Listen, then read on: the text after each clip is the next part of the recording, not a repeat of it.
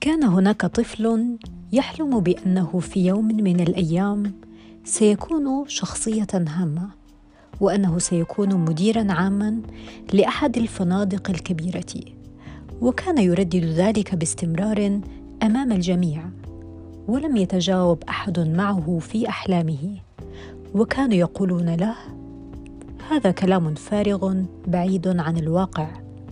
فكان يشعر بخيبة الأمل وأن المحيطين به يحبطون من عزيمته. بينما سخر منه زملاؤه في المدرسة عندما سمعوه يردد ذلك وقيل له دائما كن واقعيا. فبدأ يفقد الأمل وتوقف عن ذكر حلمه.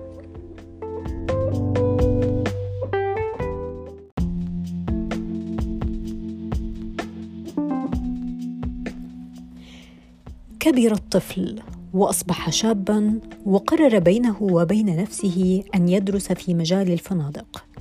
وفعلا أتم دراسته وتخرج ثم تزوج وهاجر إلى كندا مليئا بالأمل. وواجهته صعوبات كثيرة وقيل له أنه لن يصل إلى ما يريده وكان يردد هو في نفسه عندما يفكر في هذا الحلم أنا لا أملك الخبرة. ولا أملك المال ولا أجيد التحدث بلغة البلد ولا يوجد عندي أي اتصالات وشهادات غير معترف بها في كندا. وبدأ صوته الداخلي يقول له أترك هذا الموضوع في ذهنك وابدأ عملا آخر. وكان أيضا كثيرا ما يتساءل عن السبب الذي يجعل أحد أصحاب الأعمال يعينه رغم كل هذه الظروف.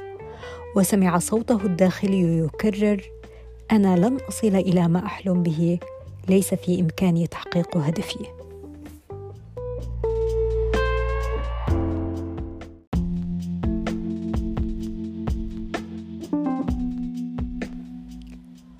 في وسط الخضم الهائل من كل هذه السلبيات التي كانت تحيط به بالإضافة إلى العوامل التي كانت تكفي لهدم أي حلم مهما كان انطلقت من داخله قوة جبارة مليئة بالرغبة في النجاح وتحدي كل الظروف الصعبة التي كانت تحيط به.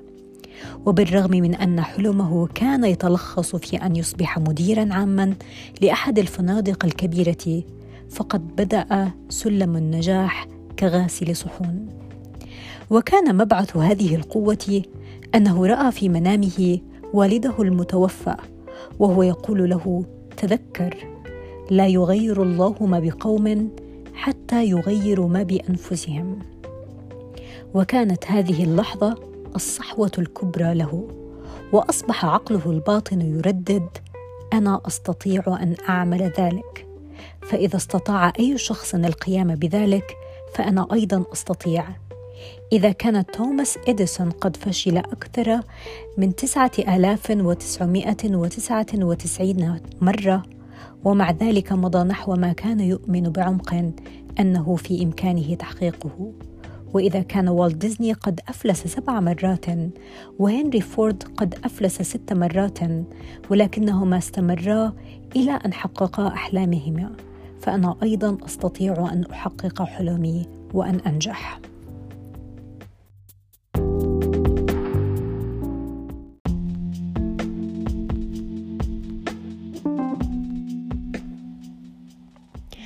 وأصبح متحمسا جدا وقد خلقت الطريقة الجديدة لحديثه مع نفسه مجموعة اعتقادات جديدة.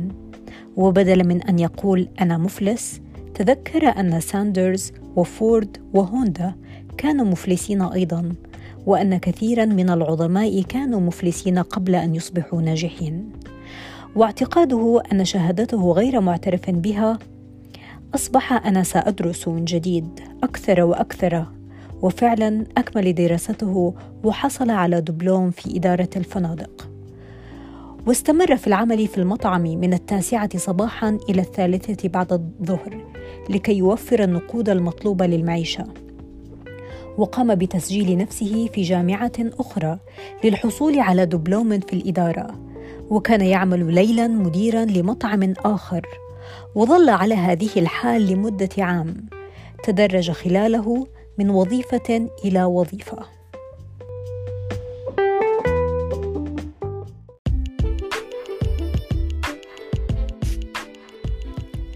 وبعد عدة سنوات من الانتقال من مكان إلى آخر أصبح مديرا عاما لأحد الفنادق وكان ذلك عام 1986 وأسس فريق عمل كبيرا قام بتدريبه والاهتمام به حتى أصبح الفندق على درجة عالية جدا من النجاح.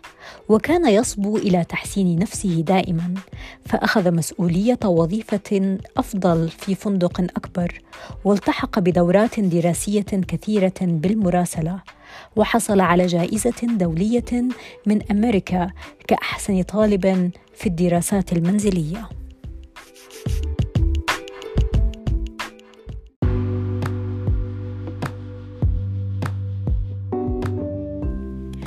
المفتاح الأول للنجاح. الدوافع. محرك السلوك الإنساني. نصيب الإنسان موجود بين يديه. فرانسيس بيكون. هل توافق معي على أننا من دون دوافع لا تكون عندنا رغبة في عمل أي شيء؟ هل تعرف أي شخص تظن أنه كان يشغل وظيفة ممتازة؟ ويتقاضى مرتبا محترما ولكنه ترك عمله لأنه لم تكن لديه دوافع كافية للاستمرار في العمل. عندما تكون عندك دوافع وبواعث نفسية يكون عندك حماس أكثر وطاقة أكبر ويكون إدراكك أفضل. بعكس إذا كانت عزيمتك هابطة فلا تكون عندك طاقة ويتجه تركيزك واهتمامك نحو السلبيات وتكون النتيجة هي التدهور في الأداء.